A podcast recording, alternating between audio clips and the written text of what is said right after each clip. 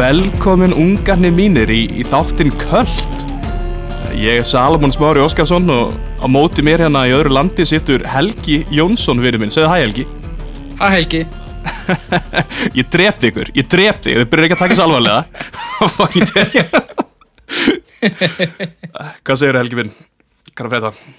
Ég er góð bara Já. Svo sem ekki, ekki mikið að frétta Nei, ok. Spenntur fyrir verkefni dagsins Ég veit ekki neitt um það sem að þú ert að fara að tala um núna Nei, ok, ég hérna, ég er búinn að vera að kynna mér þetta freka mikið og uh, þetta verður meira svona samtalsþáttur eins og við pröfum senast.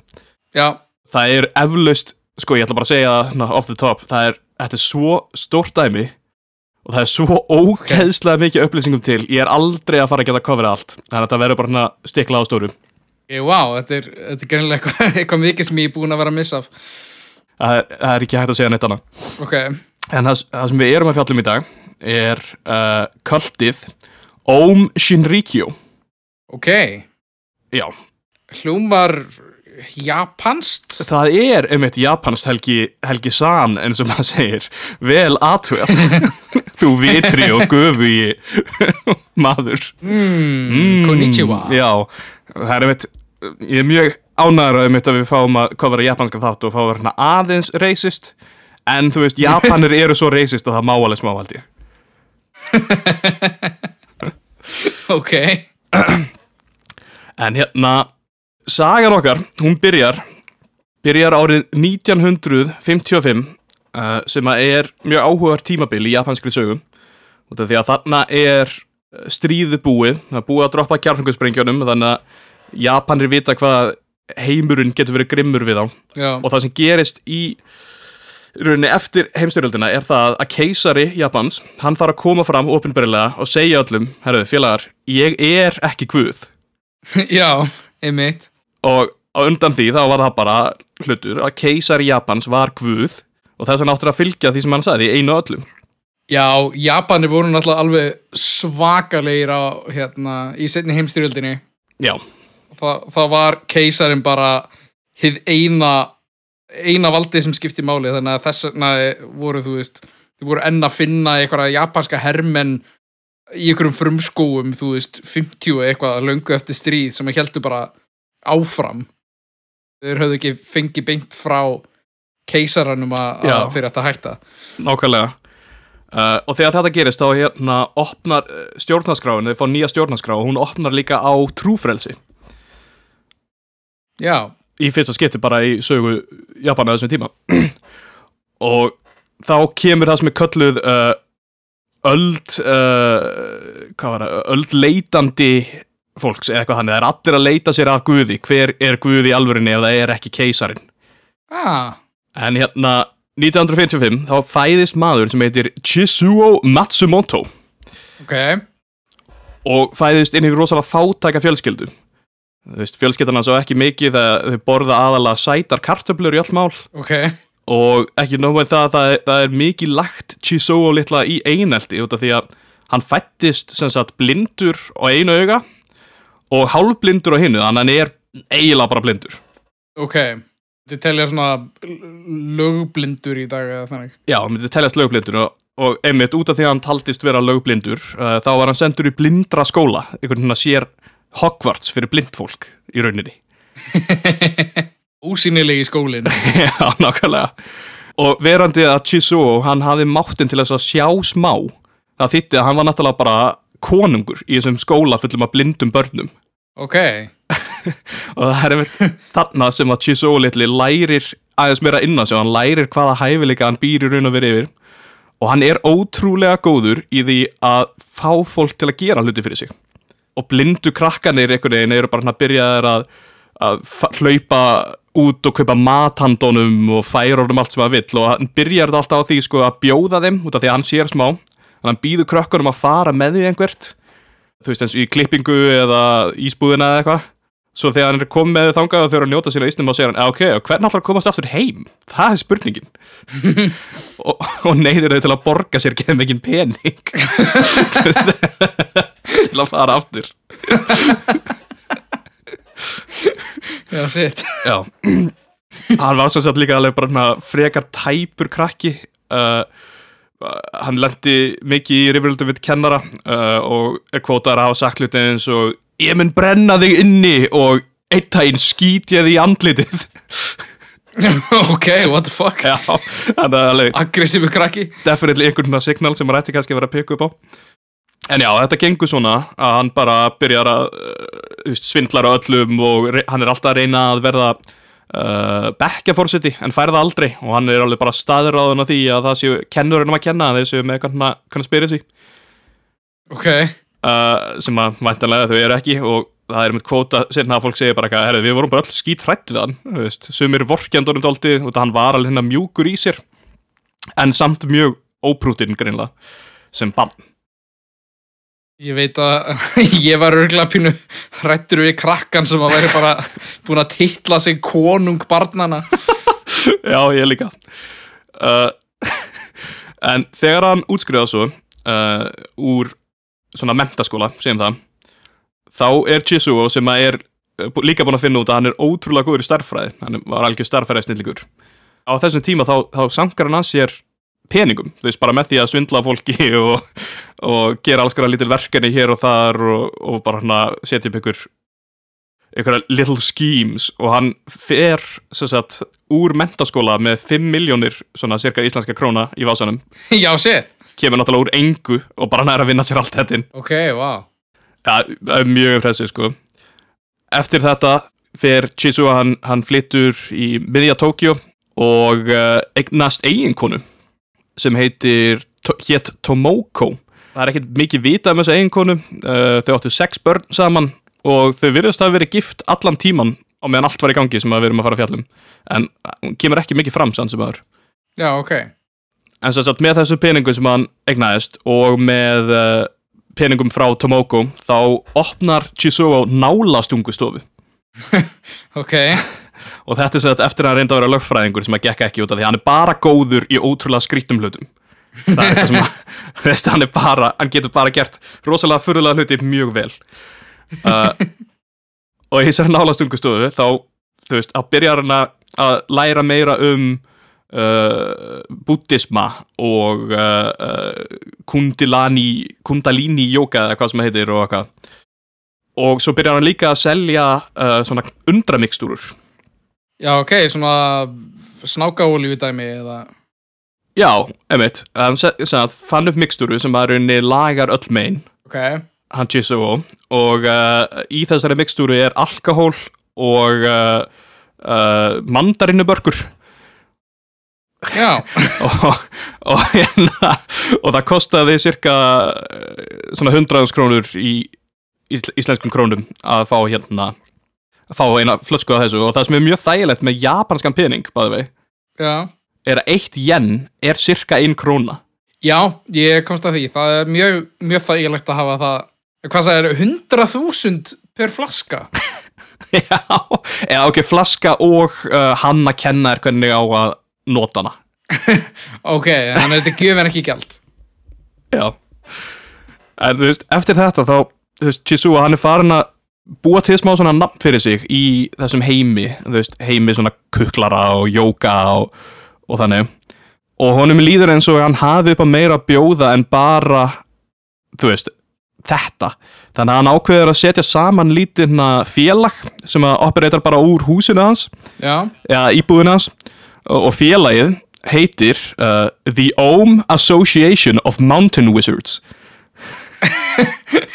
Of Mountain Wizards Já, þannig að Ohm sem er uh, einhvers konar bara hana konceptið að alheiminum uh, samansapn af fjallagaldraköllum er sem sagt félagið sem hann stofnar. Ok, hella.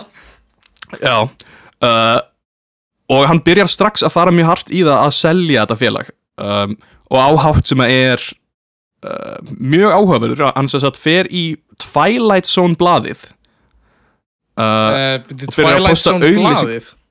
Já, sem sagt Twilight Zone, þú veist þættinir gömlu, það voru blöð svona fyrir furðulega uh, hluti og alls konar nördakultúrs þetta var svona nördakultúrs blöð með smá svona úúúú, en er ekki til spooky og skrýtnur hlutir líka? væpi. Ok, og hann lætur auðlýsingu í blaðið og í auðlýsingu stendur uh, að hann kunni sem að hann er að reyna að fá fólk til að joina og hann ætlar að hjálpa fólki að opna sína eigin uh, opna á sína eigin hæfileika og hann, hann minnist á sína hæfileika sem eru að lesa huga uh, gangi genið veggi huglega undir vatni í marga klukkutíma og að lokum, það sem var mest impressiv uh, að svífa Ok, þannig að hann er basically bara galdrakall. já, hann er galdrakall Nett. Já, og Twilight Zone Magazine gerir síðan bara heila greinum hann og þar meira að segja hjálpaður honum að, að feika sig að svífa uh, sem er mjög áhört hvernig hann gerði það sko, hann sem sagt uh, fyrir hérna jókastellingu á, á gólfinu Já. og svo sperrir hann lærið sín bara ógeðslega fast þangað til að hann liftist upp að jörðinni ok. og svo er það takaði myndina í loftinu Nett. Býtu, mér, mér rámar eitthvað í þetta. Ég he- held að ég hafi kannski mögulega að sé þessa mynd. Gæti verið Hann er uh, sagt á þessum tíma hann er ekki alveg komið með klassiska lookið sitt en lookið hans er hann er stór uh, feitur Japani dökkarður með langt mikið hár, mikið skegg alltaf einna kubli uh, bara lítur út eins og svona klassiskur jóki eiginlega Eða galdrakall. eða, eða séð skratti, já. Næs. En það sem að gerist þarna er að, að uh, það fi- byrjar að koma fleira fólk í kvöldin og alveg bara miklu fleira fólk en við var búist. Nördar í rauninni er að flykkjast að Chizuo og vilja ganga í þetta kvöld af því að þeir eru alveg eins og þeir eru að leita sér að trúabræði og þeir sjá þennan gaur sem að verið tala til hann skilur þetta uh, nördalega eðli að vera pínu svona outsider og vera ekki alveg skilinn af öðru fólki Já. Á þessu tíma var hann sem sagt byrjaður líka að uh, vera þekktur í hnar búttistarhingjum og hann var almennt illa liðinn þar Já. og þannig hann hafði mikið af skrýtnum hugmyndum sem að fólk sagði að kæmu upp einstaka sinnum sem sagt hann var ekkert mikið að tala um það en svo stundu kom bara eitthvað upp að fólk bara eitthvað, ha, nei uh, og fólk var sérstaklega fúlt eftir að hann byrjaði að halda því fram að Dalí Lamað hafi uh, rauninni sagt honum að hann hefði blessun uh, þeirra Ok, þannig að það var bara tilbúningur. Uh, já, hann hins vegar fór í ferð upp í fjöllin uh, hitti Dalí Lama í alvörunni Ok. uh, Já, já uh, En Dalí Lama þegar það var spurt seinna meir þá sagði það að hann virtist hafa meiri áhuga á hvernig þetta búa til trúabræð heldur en að hljóta uppljómun Já, það, það hljóm var eins og nákvæmlega það sem hann var að gera. Já, einmitt. En þú veist, þegar hann kemur tilbaka úr þessari fjallaferð þá er hann orðin mjög skeggjaður, hann er orðin uh, hann er komið með hann er feitari einhvern veginn þótt hann hafi verið að ferðast um allt í fjöllunum. Uh, og þegar hann kemur tilbaka þá heldur henni þess að fram að hann sé núna uh, enlightened, eða sé búin að finna nirvana. Ok. og það er þá sem að hann ákveður að breyta nafninu úr uh, Óm þú veist, félag Mountain Wizards Já.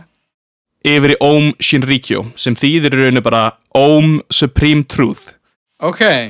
mm Að kirkja hins uh, aðsta sannleika. Já, Óm er í rauninni heimur eða lífsflæði eða eitthvað þannig Ok. en það er ekki allt sem hann gerir uh, þar, hann breytir öðru hann breytir líka nafninu sínu þannig að hann hættir að heita Chizuo sem er nafni sem við erum búin að nota og tekur á sig mun, nafni sem er núna miklu þekktara uh, Shoko A Asahara Ok. Hefur það einhverja sérstakka þýðingu? sko, öruglega ég kynnti bara ekki, ég held einfallega að þetta sé bara eitthvað meira seiji nafn Já. Þessi fannst það ekki hafa hérna nógu galdramannslegt nafn. Nei, einmitt Ég held að núna áður en að við byrjum að fjallum svona hvert þetta köld fer uh, þá ættum við aðeins að fara út í hvað það er sem er er að kenna Já. og trúin sjálf, hún er sérst að blanda af tíbeskum búddisma uh, og indverskum uh, svo eru alls konar hlutir teknur hinduisma en það sem er líklegast mikilvægast og rauninni gera þetta ólíkt öðrum búddískum kvöldum er uh, að það er mikið af svona dómstags kristni blandaðarinn. Já, ok. já, uh, og Nostradamus var líka rosa stór hluti á trúni ok, uh, alveg svo Jim, Jim Jones hann var líka obsessed með Nostradamus þannig að þetta er svona ákveðin tenging þar á milli. Já. Sem sagt ómið tilbyður aðla Shivu og þeir tilbyða hana í tortímanda formi sínu sem er eitt af svona mörgum formum af Shivu sem að til eru. Þess að tala um indörska guðin já, indverska guðin Shiva. Ok, þú veist, já, Shiva er guð eða einhvers konar guð en Shoko Ashihara hann er Kristur. Og þetta læra hann upp á fjallinu. Ok þannig að strax eru farin að sjá að trúabræði er bara hana mishmash af hlutum sem að hún finnst cool. Já, þannig að já, hann er Kristur og sko hann segir að hann hafi lært upp á fjallinu að mannkinni það myndi enda í kjarnorkustyrjöld uh, og þetta myndi væntanlega gerast einhvers vegar á milli 93 og 2003 ok og, og þetta er alltaf komið ljós 79 eða s- í, í kringum það. Já, þetta hljómar einmitt eins og eh, eins og þetta komið frá þeim tíma. Einmitt.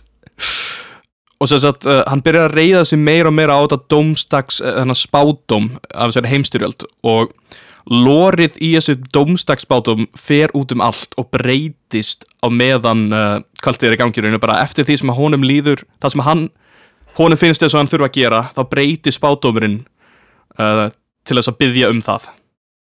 Já, ok. Og hann tala mikið í raun um það að það sé hérna þú veist, dýrið úr opinberun á bókinni uh, að það eigi eftir að koma og ráðast á Japan. Og svo setna meir þá byrjum við að sjá að þegar hann talar um dýrið eða the beast þá er hann að tala um bandaríkin. Þannig að bandaríkin í rauninni eigi eftir að komast að þriðju heimstyrjöldinni uh, sem að bara hann getur stöðvað uh, og eftir henni þá mun koma heimsendir.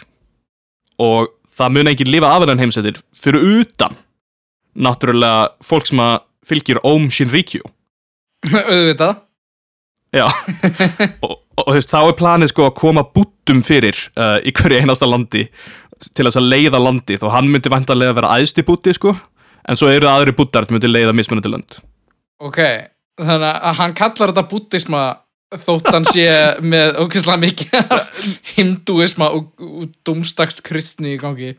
Sko hann kallar þetta ekkert endilega búttisma þetta er bara það er bara blanda af svo mörgu inn í þessu hann kallar þetta bara Ómið eða Om Shinrikyo Já. Ég held að þegar hann var að tala um dýri þá var hann að, þú veist, var bara nýbúin að horfa Godzilla eða eitthvað. Já. Það sem er áhugavert er líka, þú veist hver Isaac Asimov er, er það ekki? Jú, þarna vísindaskáldsögu Gaurinn Já, einmitt, Gaurin sem skrifaði vísinda skáldsögunar hana. Eh, Það er bókaserja sem heitir The Foundation eftir Isaac Asimov og í þessari bókaserju þá er hérna uh, mjög gáfaður vísindamaður uh, og hann sér fyrir að heimurinn er að fara að enda og veit að hann getur stöðvaða en ríkin hlusta ekkert á hann í rauninni þeir sem er að stjórna Já, þa þannig að í gegnum þessa bækur þá fer hann um allan heim og er að leita að gáast af fólkinu til þess að koma með sér í þetta foundation svo þau getur stöðvað heimsendi. Uh, þe- þessi saga hún er kanon í Om Shinrikyo hún er bara hluti af lórinu og mun gerast, hún er að gerast núna og uh, hann er aðalpersonan ok Þannig að það er fleiri en eitt köld sem er basically sci-fi saga já, sko, sem, þetta kvöld er sci-fi anime kvöldið. Ok, og það var ekki bara þessi saga eftir Isaac Asimov sem var kanon, heldur var líka The Voyage of the Space Battleship Yamoto sem var anime. Ok. Sem er líka kanon í sögu kvöldsins. Þannig að þessi gaur er bara eitthvað að lesa bækur og horfa á sjóvarp og vera bara eitthvað Þetta er kanon, þetta er hluti af mínu trúabræði núna. Já.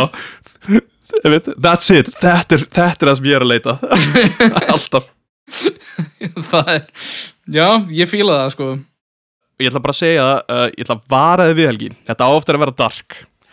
Uh, Ok, sem að er ógæslega leðilegt út af því að þetta byrjar eins og skemmtilegasta kvöldsaga sem ég bara eiginlega, ég elska allt sem leiður upp að endanum en uh, endin er ræðilegur já, ég meina er það ekki verið þannig með svona svona í sérstaklega að það er eitthvað svona domstagselement jú, ná, nákvæmlega. Uh, En já, þetta er bæði kanon uh, Þetta er svona cirka trúin Og fólk er að læra um trúabræði rauninni bara á meðan Hann er að læra hvað það er líka. Meðan hann er að búða til, minnur Já, já. 1989, þá eru ótrúlega margir komnir í kvöldi. Það eru búið, það er búið að opna mun fleiri staðsetningar í Tókjó og það er rauninni þú veist, þeim vantar stað þannig að þau ákveða að fjárfesta í uh, kúabíli við rætur Fuji. Ok, og það er mjög falleg staðsetning þetta er bara alveg við rætur Fuji. Uh, og þetta kúabíli verður sem sagt verða höfustöfar uh, ómsins. Og allt í allt eru cirka þúsund mann sem að búa þarna. Vá já, sem eru allir meðlumir í, í þessu kvöldi sem sagt. Já og sko upp á sitt mesta þá voru um það bil það er hugsað að það verið 15.000 meðlumir í kvöldinu. 15.000 já. það er, það er rosalega tölur. Þa, það er rosalega mikið fyrir kvöld. Já, uh, og við skulum muna að í sögu Japan það hafði aldrei verið eitthvað svona dæmi í gangi, þú veist, þau vissu ekkert um trúabrögð, bara yfir höfuð þetta var allt rosalega nýtt. Þannig að yfirvöld og lögreglan og, og þau öll, þau til dæmis skipta sér ekkert mikið að þessu málum á þessu tíma, af því að, að nýbúið að stofna trúfrelsi og þau vilja ekki uh, runni bara blanda sér ómikið inn í það. Já, ok. Já, er að þau eru ekki með eina leið til þess að fráskilja sértrúasöfnið frá Nei, ekki á þessum tíma sko. Uh, og þau þetta er pínu bara eins og með uh, eftir að koma margir hlutur upp að sem að, að er eins og með hérna hvernig lögreglan var í gamla daga með uh, Dalmer, þannig að hann var samkynnuður það var öðru í sig, þá bara vildi þeir ekki blanda sér í það. Já, ok. Og uh, nú ætlum ég að tala um hvað fór fram á uh, á þessu bíli. Ok, út af því að það er nuts. Uh, sem sagt bílið var upprunalega bara fullt af um, þú veist litlum tjöldum og skúrum og, og uh, bygg, vinnubyggingum og uh, það voru kakkalakar út um allt.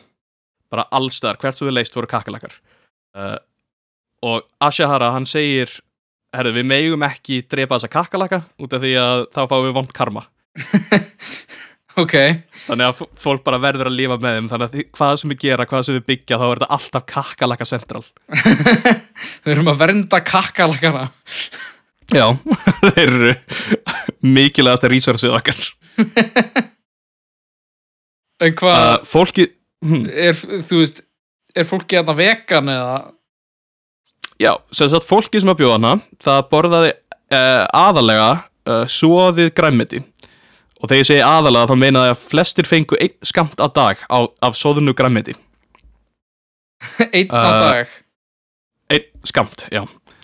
Uh, Stundum var sjávarþang uh, í bóði Og stundum hrísgrún Ok, hann hérna uh, Ashihara hins vegar uh, hann borðaði mjög mikið og mjög vel og var sagður vera með guðdómlega uh, matarlist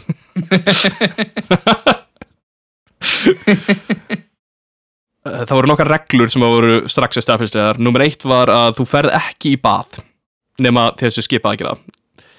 ok út af því að, því að Helgi, hvað viltu eða þú ert með þúsund nörda uh, ráfandi um á okkur sléttu fulla kakkalum, hvað viltu mest? Jú, væntalega að þeir fari aldrei í styrtu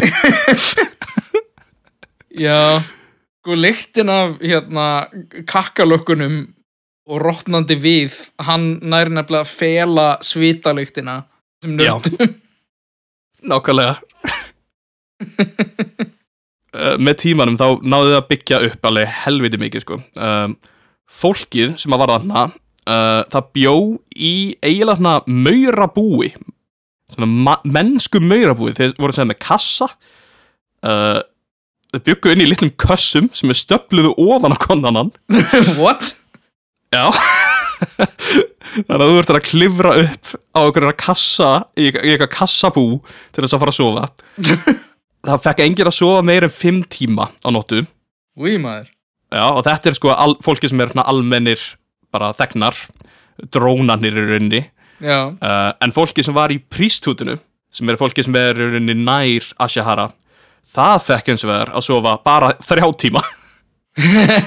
Býtu, what? Þannig að fara að sofa minna því herra sem ferð upp stegan já, já. og eina leiðin til að fara í þetta prísthút er í rauninni að gefa kirkjunni allt sem þú átt.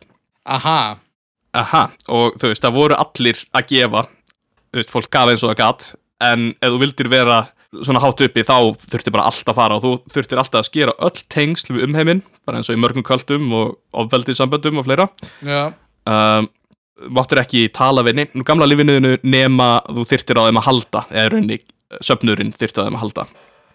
já Þannig að við erum að sjá svolítið þema í þessum sértúrasöfnum um að banna fólki að hafa sambandi um heiminn og, og gefa þeim allt og svoleiðis Mm -hmm. Var þetta réttlætt með svona búddisma hugmyndin um að maður má ekki eiga meir en hvað eina skál fyrir hrísgrjóni eða eitthvað Já, ég er nokkuð sem þau heldu í þetta búddiska eða allan tíman, sko. Já, Uh, það var alltaf og þeir réttlega alls konar hluti með búddisma og, og ekki bara svona traditional búddisma heldur eru suma reglur sem að koma að setna sem að uh, eru teknar úr mjög esoteriskum uh, textum sem að í rauninni kannski einhver einn gaur skrifaði á Indlandi fyrir þúsund árum.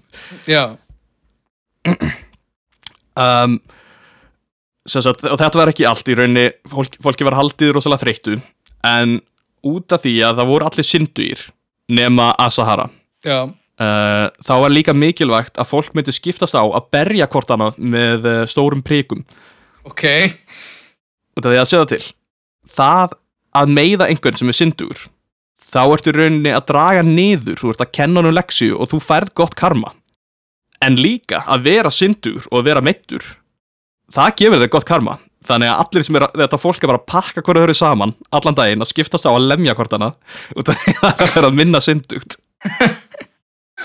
Ok, það er ræðilegt mm Þetta er alveg stór hluti af því sem við gera á daginn sko. Það er þetta, þau eru að uh, halda hvora öðru ofan í stórum töngum af sjóðandi vatni. What? uh, Já, gegnsæjum töngum af sjóðandi vatni. Uh, Það er, að, það er til myndböndi að þessu vaka Það sem að uh, maður sér Asahara, hann er að horfa í gegnum glerin fuck.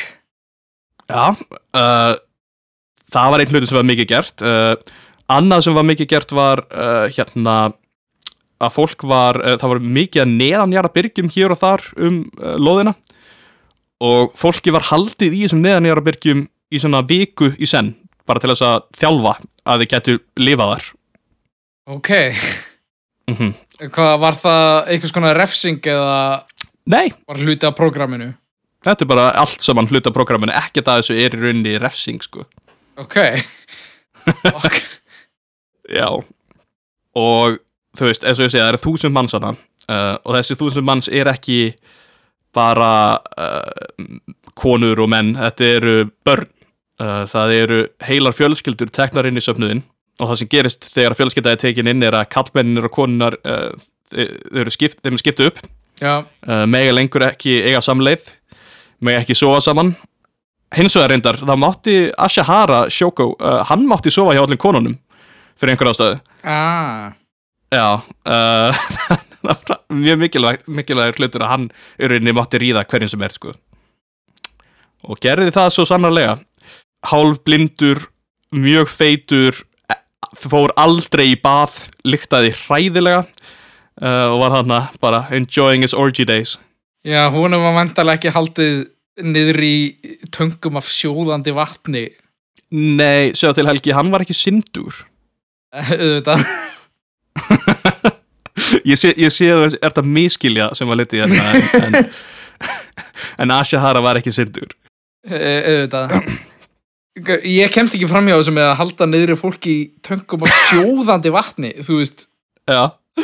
Fer ekki bara húðin af?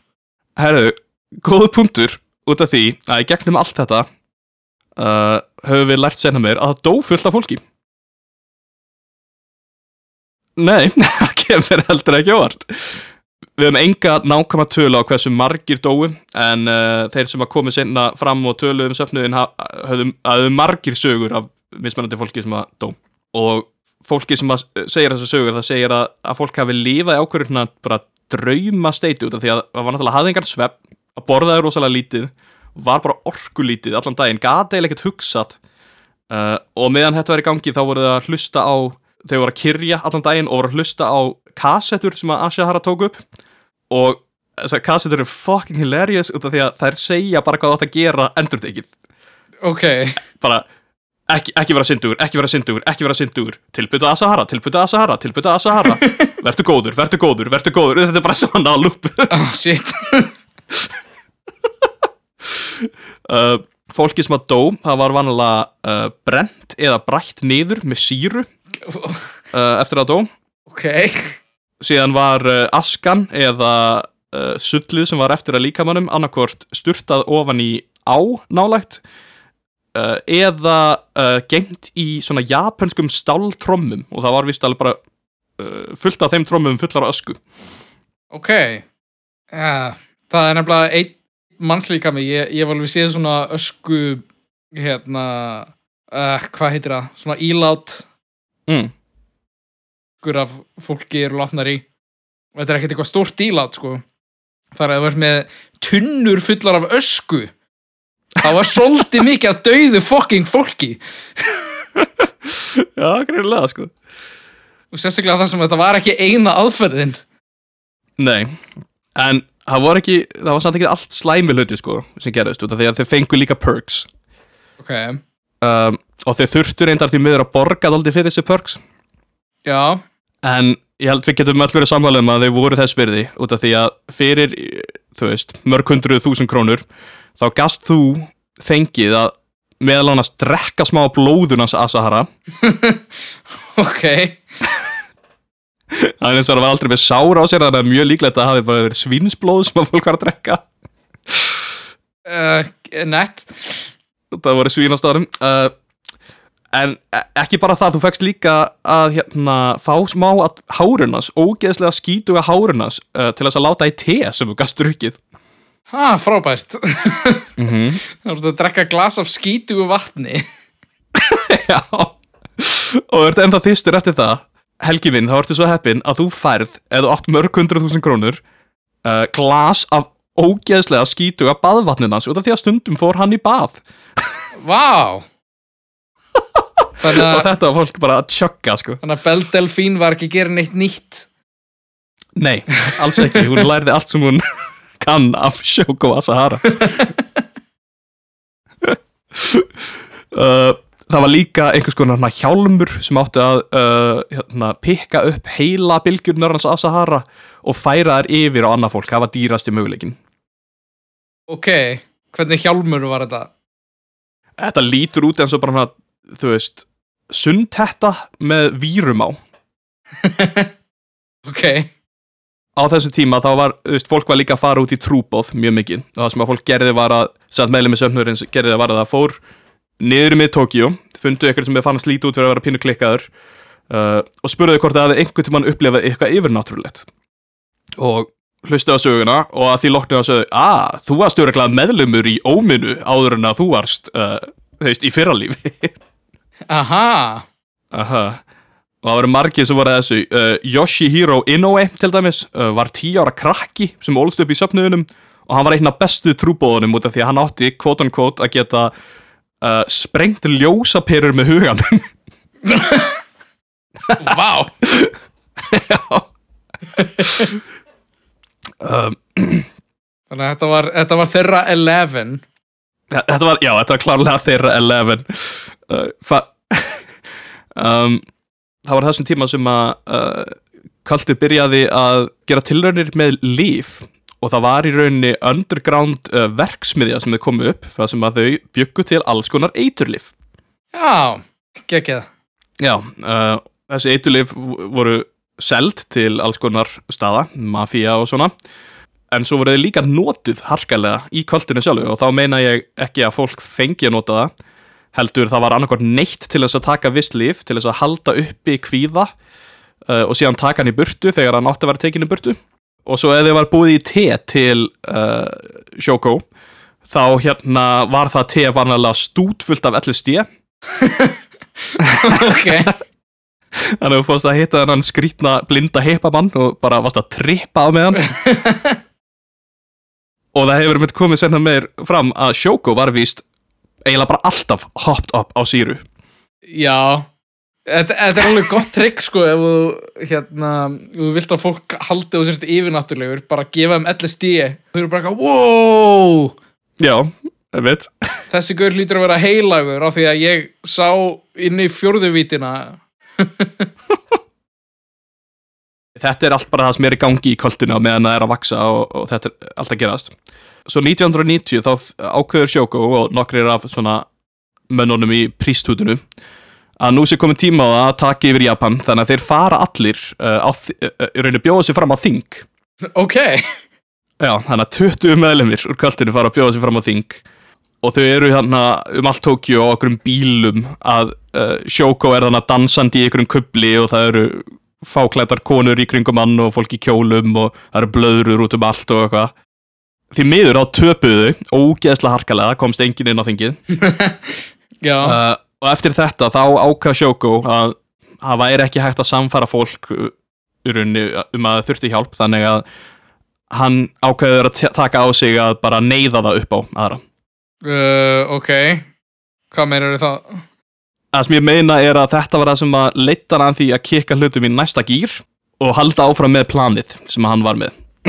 ok, Það sem að gerist næst uh, Já, ok, eins og ég segi það gerist ógeðslega mikið í þessu kvöldi og ég er bara að reyna að fara við þetta helsta. En það sem að gerist næst svona í sögunni stóru er að uh, Ómið opnar annað útibú en í þetta skipti uh, út í Moskvu. Ok ég held að vera að taka í Japan.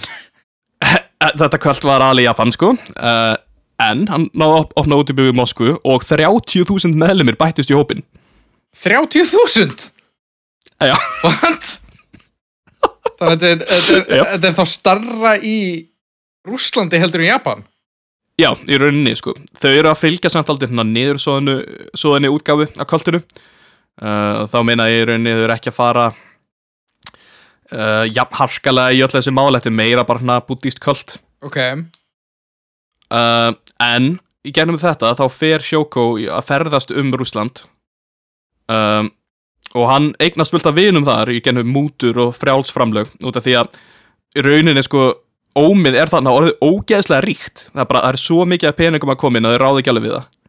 Í gegnum eiturlega sölu uh, bara allar eigunar sem er eignast frá fólki uh, námskeiðin sem er seljin á allt þetta er að bara vefja upp að sig og það, þau voru meira sér að fara að gefa út dót sko, en svo það var manga og anime um Shoko Asahara. Ok. Það er ótrúlega erfitt að finna þetta ég fann einhver nokkur stills úr animeinu en þetta er nött sko. Vá hvað ég var að reyna að finna þetta. Já, þetta hljóma fárálega já sorry, aftur að uh, Rúslandi og endilega griftu fram í ef að þú vilt út af því að þetta er aldrei mikið að bara sögu þannig er að reyna að fara yfir bara alls konar. Já, hann er hann í Rúslandi, hann er búin að vera að gefa rúslandska ríkinu peninga uh, og fær í staðinn að fara með nokkra velvalda presta uh, í herrþjálfun ok. Já. Uh, og bara þjálfar þetta uh, nokkra velvalda presta uh, hjá rúslandska ríkinu skoðar vopnin þeirra, hvernig þau virka hvað er í gangi þarna.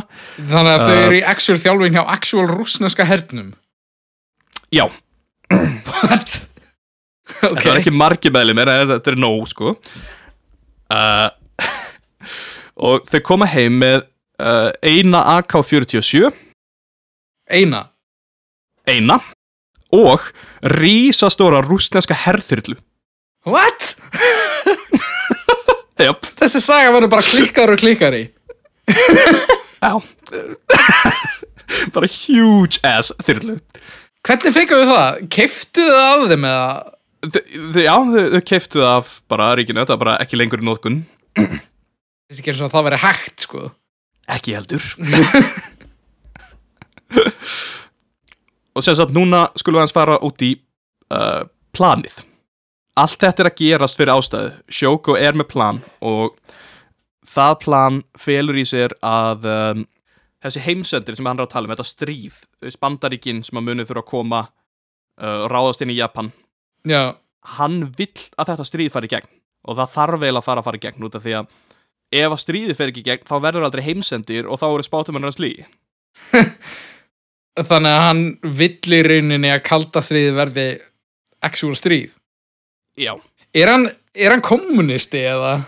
sko, já, þetta er kommuna og það eru vissi svona kommuninskir þættir að þessu, náttúrulega eins og það að þau eru alltaf að deila sjóðurum þótt að það sé náttúrulega allt bara að fara í hans klikkaða plan Já, þannig að þetta er, þetta er basically kommunismi. Þetta þetta er kommunismi, þetta þetta er hérna meira rúsnest inspired kommunismi í rauninni Já, myndi ég segja og það er á þessu tíma sem hann byrjar að segja fólki alls konar nýja hluti eins og hann finnur einhverja forn esoteriska texta uh, um þjáningu og byrjar að útskýra fyrir fólki að uh, ef að meðlumur uh, hérna, ómsins drepur aðra mannesku já, þá er hún ekki aðeins að vinna sér inn gott karma heldur að gefa manneskunum sem hún drap gott karma uh, já, ok. þannig að þetta er áður hluti á dótturinu Og maður eins og þetta fara enda vel. Já. Það, uh, við skulum aðeins fara út í að ég tala um að vera alla nördar sem voru ránir já, og nördar geta verið veist, félagslega einangreðir, skrýtnir einstaklingar og allt það, en nördar geta líka verið rosalega gáðir já, og það sem er mjög áhugavert við þetta kvöld sérstaklega er það að margir af meðlumir kvöldsins voru bara með gáðasta fólki í Japan á þessum tíma.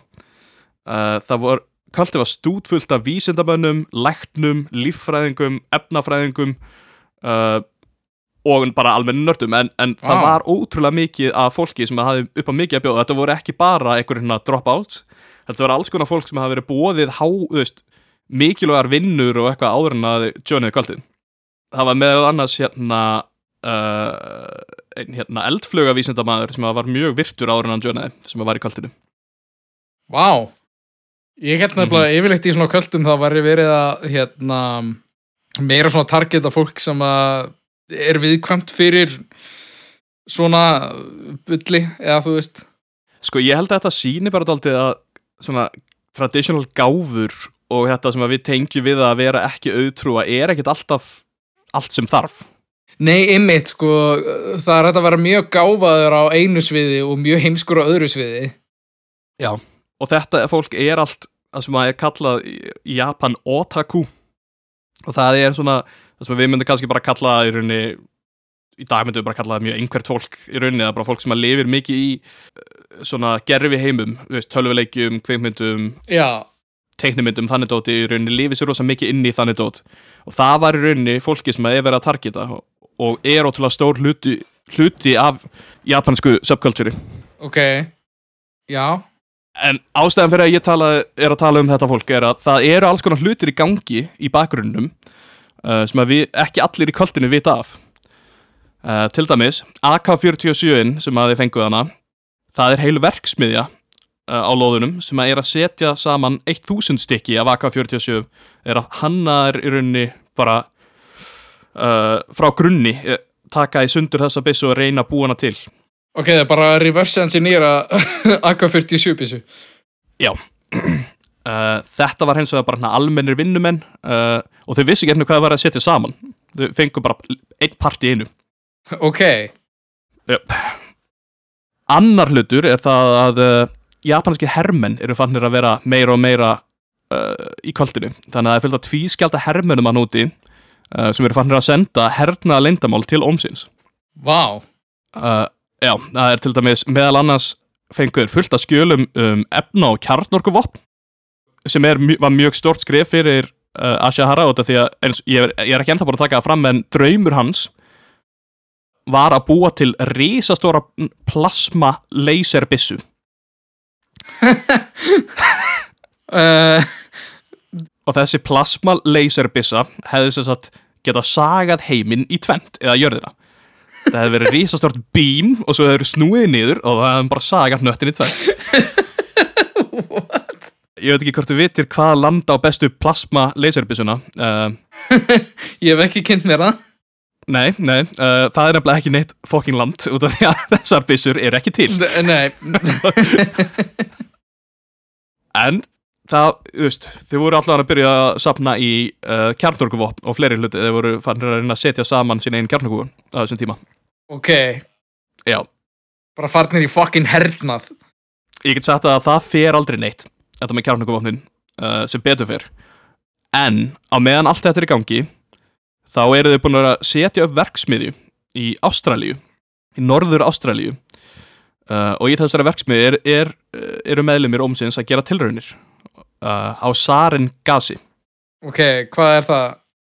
sarin gas er mjög skadilegt uh, gas sem var ekki notað held ég í setni heimstyrjöldin út að það var svo ótrúlega bara eitrað og vond og illt efnagas uh, þannig, þannig að þetta er bara mjög, mjög, mjög hættulegt efnavopn sem getur bara algjörlega fokka fólki upp þú veist, bara breytt uh, bara líkamanniðinu bara líffræði líffræðiniðinni frá grunni sko.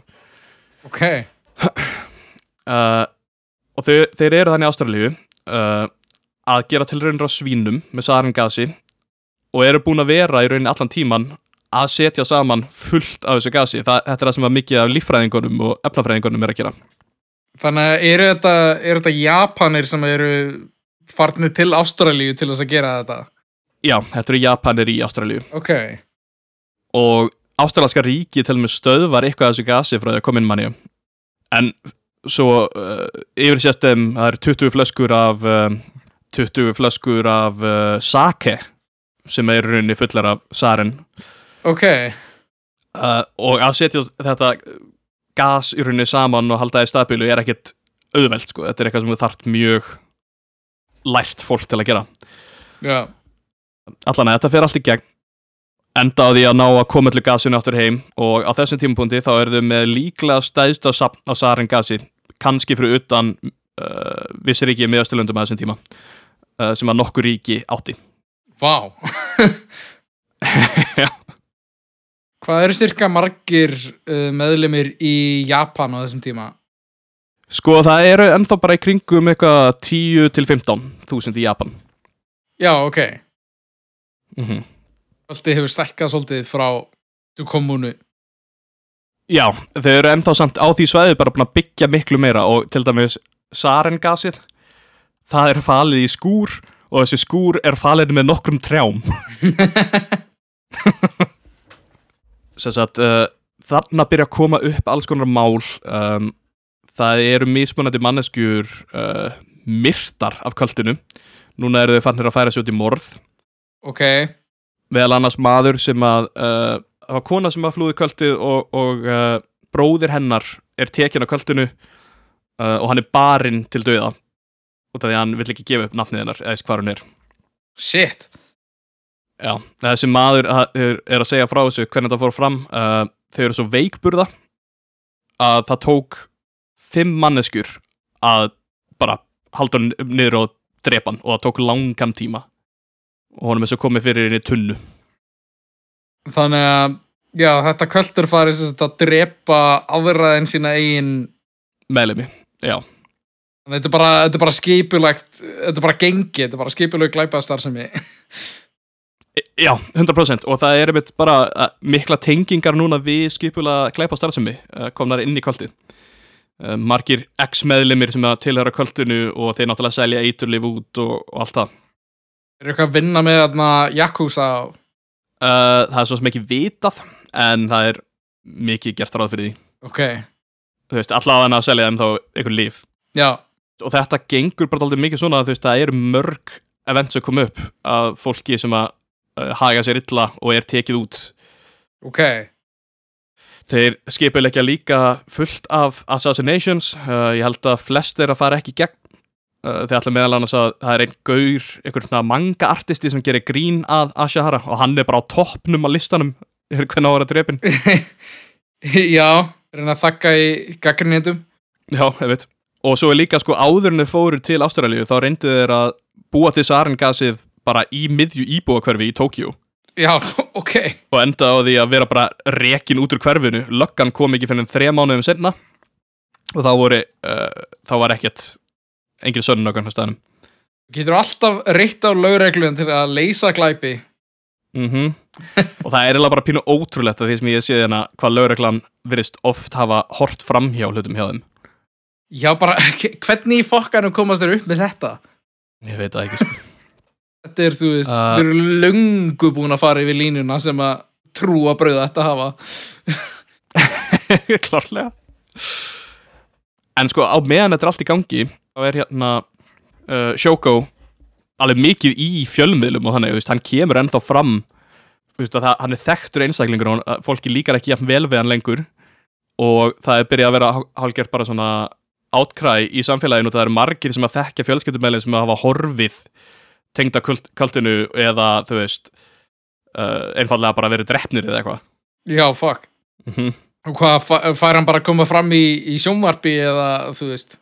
Já, þú veist, hann kemur eitthvað fram í sjónvarpi en er ala í viðtölum og svona. Já, en hann er hann ekki, þú veist, hann er alveg bara ennþá public fígura á þessu tíma.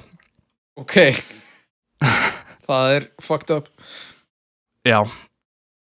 Svo byrjaði að gera fleiri tilraunir með sarin gas meðal annars það eru einhverju dómarar með einhverjuna landdispjútmál og flestir sem að hafa verið drefnur af kvöldinu að mér sýnist það er, ég, ég ætla ekki að fara yfir alla á þetta, það er að listi bara hér og þar. Um, en flestir sem hafa lendi þeir virðast tengjast einhvers konar landádeilum og ég er farin að halda að mikið af því sem að þeir gerðu var að veist, ná landi út úr fólki og fjölskyldið þeirra til þess að fá allan að pening. Já, ok.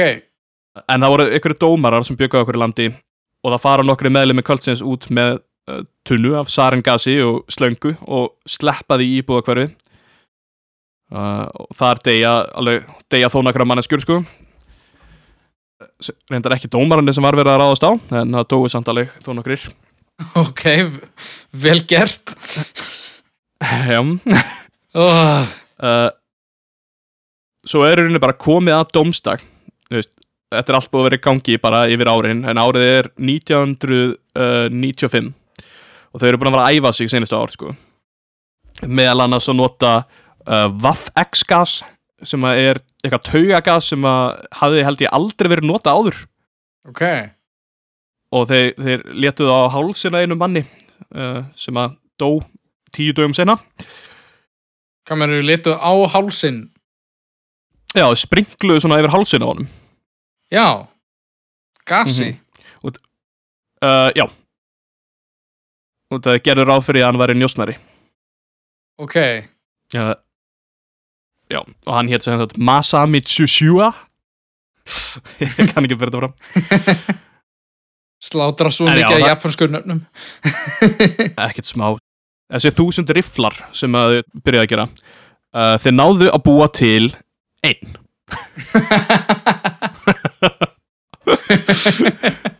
þannig að þú veist planið er ekki alveg að fara í gegn eins og hann held að vera að fara. Uh, náðu að búa til einn riffil. Um, þeir ætluðu að nota þyrluna miklu meira en það kunni enginn að fljú henni. Já, uh, þannig þeir notuðu hann aldrei. Þannig keiftu bara eitthvað risa þyrlu og notaðu hann ekki neitt. Já, notuðu hann aldrei Þeir, þeir til dæmis br brutust inn í uh, Hiroshima uh, verksmiðju uh, frá Mit Mitsubishi til þess að reyna að stela fullt af um, hérna, skriðdregum og eitthvað, það gekk ekki. Reyna það sem er rosa mikið að þeir að drepa fólk hér og þar og að reyna að gera eitthvað risastórt eins og þeir reynda að komast að valdaráni í ríkinu, það gekk ekki. Þú veist, það voru með hermenn náttúrulega en það er bara ekkert að ganga. Já, þetta er stórt operation. Þetta er huge, þetta er bara þeir eru bara going all in ballin. Já, en sem sagt, uh, 1995 loksins, uh, þá ákveður Shoko As Asahara að núna sé komin tími á heimsendin, þetta hann átt að gerast einhvern mann frá milli uh, held ég 97 og 2002 þannig að það var byrjað að vera á seint sko. Já, og uh, hann þjálfar upp sex menn sem eiga að fara í uh, Subway-kerfið í Japan já, í, í Tókíu. já, í Tokjó. Já, það er huge. Uh, og þeir eiga að fara með sex póka af uh, sarengasi fara í mismunandi lestir sem er að leiða mismunandi stóra stöðvar og þeir eiga að pota í pókan með uh, reglíf sem er með svona hnífsott ofan á Ok, og svo eiga þeir að fara uh, heim Þeir eru bara að drepa random fólk sem er í lestinni Bara- þá. Já, bara fullt, fullt af random fólki. Uh, Sko Já, sem sagt það hefðu um það bil 20.000 manns geta farist í þessum árásum. En í gegnum bara alls konar veist, happenstance, uh, rauninni það að þeir hefðu ekki nógan tíma til þess að uh, gera gasið meira en uh, 30% í styrkleika. Já, uh, og uh, að það fór bara úrskeiðis hjá sumum meðlumum, þetta voru allt saman ekkert rosalega hæfir veist, hæfar manneskjur. Það voru allir að klúðra endalistana. Uh, en þetta endar á því að einhvers, einhvers staðar á milli þeir fara í gegn með þetta, gera þetta allt sko. Og það er til dæmis ein mjög óþægileg uh, óþægilegur vitninsbyrður frá einu manni sem er að fremja þessi hriðverk og hann var að tala um að sko að hann hefði verið læknir og hann hefði verið að hann bara hugsa hvað er ég að gera? Þú veist ég lífið mitt var um það að bjarga fólki og núna er ég að horfa á konu og barn og ég veit að þau eru að fara að deyja. Og það ég er að fara að gera þetta. Og, hann hjælt samt áfram til dæmis. Shit. sem sýnir bara hvað þau eru hvað þau eru búin að heila þú fólk alveg svakalega hana Já, bara fá fólk til að gera hluti sem þau vita að þeir eru rángir. Já, en allt í allt í gegnum þetta þá uh, dóu í kringum 12 sem betur verið voru ekki fleiri en það uh, er einhvers konar hana frá 12 til 20 Ok, hvað er ekki vita almennilega hversu margir dúi eða? Nei, málið er að það eru sko einhvers staðar í kringum þú veist það var 1000 manns eða eitthvað þannig sem var eitra fyrir. Já, og mjög margir komu ekki fram eftir árásina til að segja þú veist, til að tilkynna hvort þið hefur verið þarna eða hvað þið gæst eða whatever. Uh, annarkvort bara út af hræðslu eða út af skömm sem er náttúrulega bara mjög stór hluti í japansku samfélagi já. Hvað er einhver, einhver skömmið að vera að láta eitra fyrir sér í lest? Já, ég, ég veit það ekki sko þetta, þetta atvik umbreytti bara dálítið mikið hvernig Japani sá heiminn út af því að þetta var fyrsta hriðverkið í sögu Japans Já, ok. það hefði aldrei verið framinn hriðverk áður það voru einhvern lög um efnavopn eða hriðverk í Japan á þessum tíma þau þurftu alltaf að koma upp eftir þetta Ok, vá. Þannig að Já. þeim tókst ekki að breyta Japan bara ekki á þann hátt sem þau heldu. sem við vorum að plana, nei, nákvæmlega eftir þetta þá byrjaði lauruglan loksins að rannsæka hluti og það var ekkit eitthvað flókið að finna uh, Ashara og þetta því að hann var búin að vera að tala um eins og í, í lofgjörðunum sínum þá var hann búin að vera að tala um sarin gas alveg bara reglulega Vel gert, lögregla, vel fucking gert. Já, Ah. og uh, þeir meðal hann að sömdu lag um sarin gas ára sína smátti eftir eiga stað Býtu, og sungu það saman Kallið þannig voru bara að gefa út fucking lag bara eitthvað. Við ætlum að eitra fyrir öllum og lögga var bara eitthvað. Ég veit ekki. I don't know Hvernig ætti ég að vita hvað þetta fólk er að plana þegar þau segja það í fucking lægi? fucking Ah. ah. sko herru og hérna þegar þið fundu uh, loksins allt þetta fólk og þess að komunu og allt sem er í gangi hérna uh, þið fundu um það bil eina biljón bandaríkjadala af peningum Költu verið búin að því að uh, var búin að sanga sér eini biljón bandaríkjadala Miljardur dollara. Það er fucking mikill peningur. Það er ótrúlega mikil peningur. Uh, þau fundu líka fullt af LSD methamfetamini, uh, verksmiður að það var hannað uh, sannleikserum gull, vopn fundu hérna, beinagrindur af fólki veist, alls konar. Og að lokum þá fundu þeir no sarin gas til þess að drepa í kringum fjórar miljónir manneskja. Fjórar miljónir. uh, að lokum voru uh, var hann handtekinn, uh, Shoko og uh, það voru líka uh, held ég sex aðrir menn handteknir, uh, sem að þeir sem voru handteknir voru Shoko Asahara sem leiðtói om Shinrikyo, uh, Yoshihiro Inoue sem var Head of Intelligence og sá um Tokyo Subway attakið ok.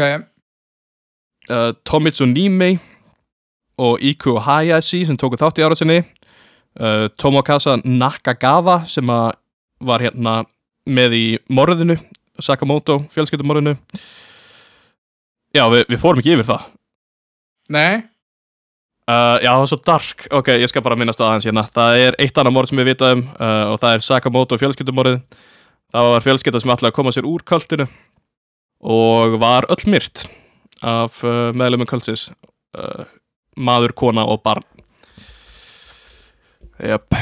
Uh, Kiyohiti Hayakawa, uh, Construction Minister.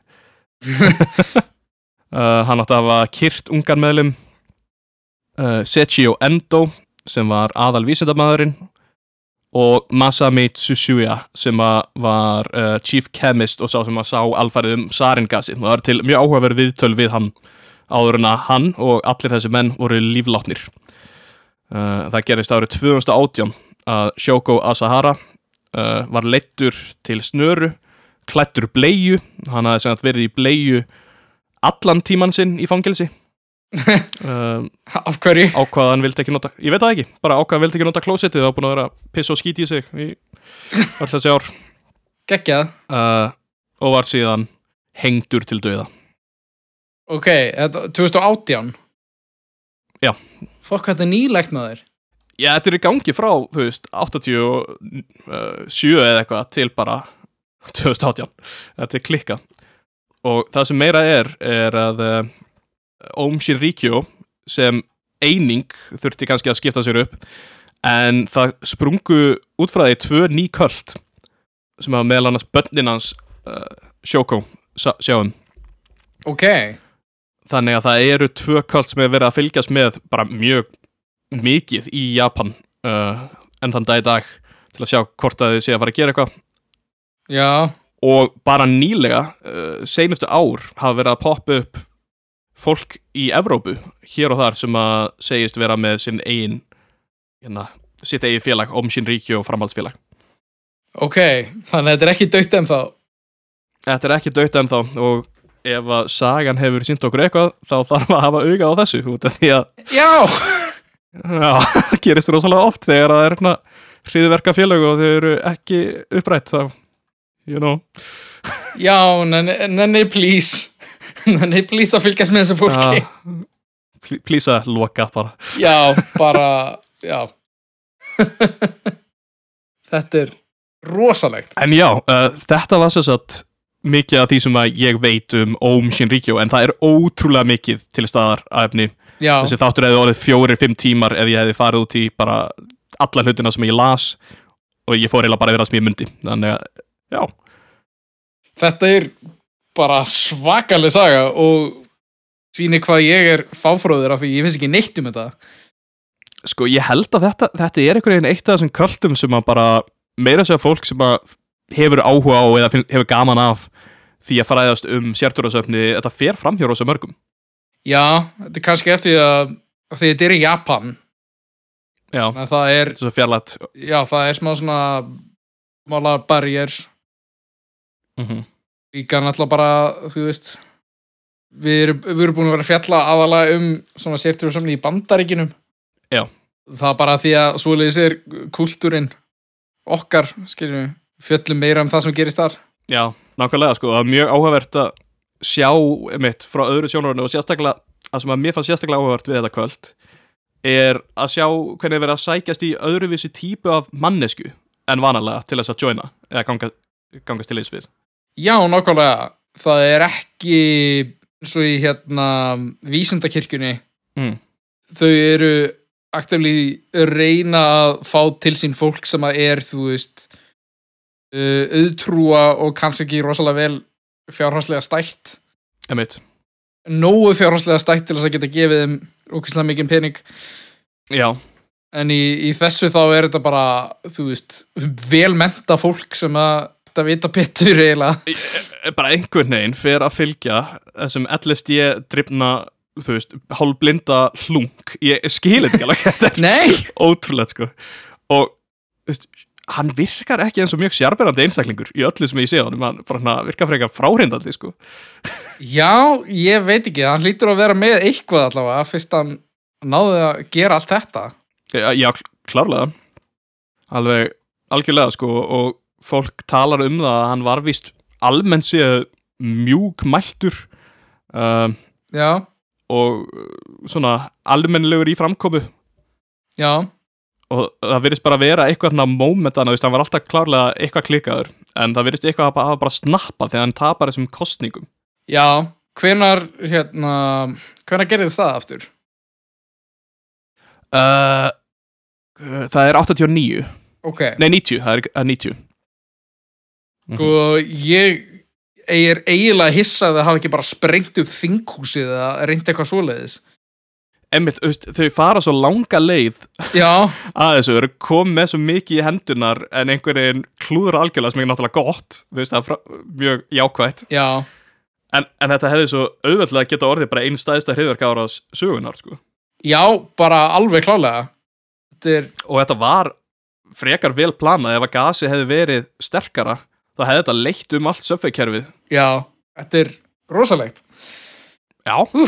Uh, Ég vona að hlustendur hafi haft gaman að því að dýfa sér aðeins inn í þennan heim og ég veit að það eru örglega einhver hlustaðan úti sem veit miklu meir um þetta en ég og ég er ekki bara að fara með uh, búin að fjallum þetta frekar heimskulega á köplum en það er aðla bara því að ég vildi bara reyna henni sem flestu á klukkutíma. Já, þetta er uh, rosa dark þáttur Þetta er það sko og hann er áhugaður út að hann byrjar þessi saga byrjar mjög fyndin finnst mér og Já. hann vefur upp á sig á fyndin hátt og endar svo auðvitað með því að fullta fólki deyr sem að er hrikalegt Já, þetta bara, þetta, tekur eitthvað svakalegt törn þarna þegar við byrja, þú veist, fara til Rússlands og, hérna, fá vopn þar og eitthvað, Já, gas í Ástralíu, þú veist, hva, í hversu mörgum löndum var þetta operation? Uh, sko ég sá nú bara þrjú. Já, en eins og ég segi í dag er verið að, er að poppa um Evrópu, alls konar sels og eitthvað. Sko það er hérna uh, nokkur litir sem hafa gerst eftir á, sem ég langar að fara yfir áður en við lokum. Já, er uh, að Rússland var einmitt með crackdown á Om Shinrikyo það fannst held ég ekkert mikið uh, þar en Rússland tilkynntuðu samt sem hriðverka árás, hriðverka samtök þetta var árið 2016 já, einmitt. svo, svo var gert reyt á Aleph sem er eitt af þessum tveimur félögum hana sem að eru til eftir á. Og það er ekki ma margt sem fannst þar nema bara að þið væru að höst, fjárhagslega kúa fólk áfram. Já, en svo er auðvitað stæðst í hluturinn sem kom eftir á var að 2019 uh, til þess að mótmæla því að Shoko Asahara hefði verið uh, hengdur þá var uh, maður í Japan sem að kerði uh, yfir fullt af fólki ok, Uh, þetta var nýjársdag, það voru átta uh, injured eftir það. Uh, uh. Stend, nei, stendur að það hefði engin dáið. ok, Mm En bara þú sér það, árið 2019, þú veist, það eru bara nokkur árið síðan að það er ennþá skjáltar. já, ég, hvað, þetta er, svakalegt og ég bara, ég vissi ekki að þetta hefði gerst fyrir svo stuttu síðan. Ég hlakka til að sjá þig næst helgi. Já, ég hugsa að næsti þáttu verði með léttara sniði. Já, ég vona það. Uh, við tölum yfirleitt um hérna í lokin svona reynum að skilgjörna hvort að viðfóksefni sé sértrúasöfnur eða ekki. Ég held að þetta sé alveg 110% Ekki sértrúasöfnur. fucking sjens. Ó, við erum á sikkur máli. Ok. Na, ok. Ah. Við verðum að vera sammála um að er vera ósamála. Þetta er mjög augljóslega sértrúasefnur og einn af þeim stóru. Já, þetta er uh, svakalegt næst verður ekki sértrúasöfnur en köld engu að síður. Ok. Á ég að segja hvað erum að fara að fjallum eða ég var bara að koma fólki á við að byrja að gera það? Við að byrja að tísa í lokþáttar eða? uh, Já, við getum alveg gert það sko E eða það ekki bara, það, það er sniðut Núna er held ég síðasti þáttur fyrir jól. Mm -hmm. Næsti þáttur kemur uh, fyrir áramót held ég. Já. Til jóla áramóta Og þá ætla ég að fjalla um uh, eina af mínum uppáhalds bíómyndum Ok. Sem er kvikmyndin The Room. Ah, ok. Geggjað. Ég er mjög spenntur. Já, það er uh, ein stærsta kvöld bíómynd allar tíma myndi ég segja. Já, það er rétt við það og Ok, ég ætla, mjög spennandi. ég ætla ekki að hafa það lengra en já, þau verður bara að hlusta á næsta þátt. Snildin einn já, Herru, gaman að spjalla við Helgi og Já. takk fyrir, á, uh, takk fyrir hlustin. Já, takk hérlega. Fyrir Fucking hlustin. já, bye. Ég kann ekki að tala.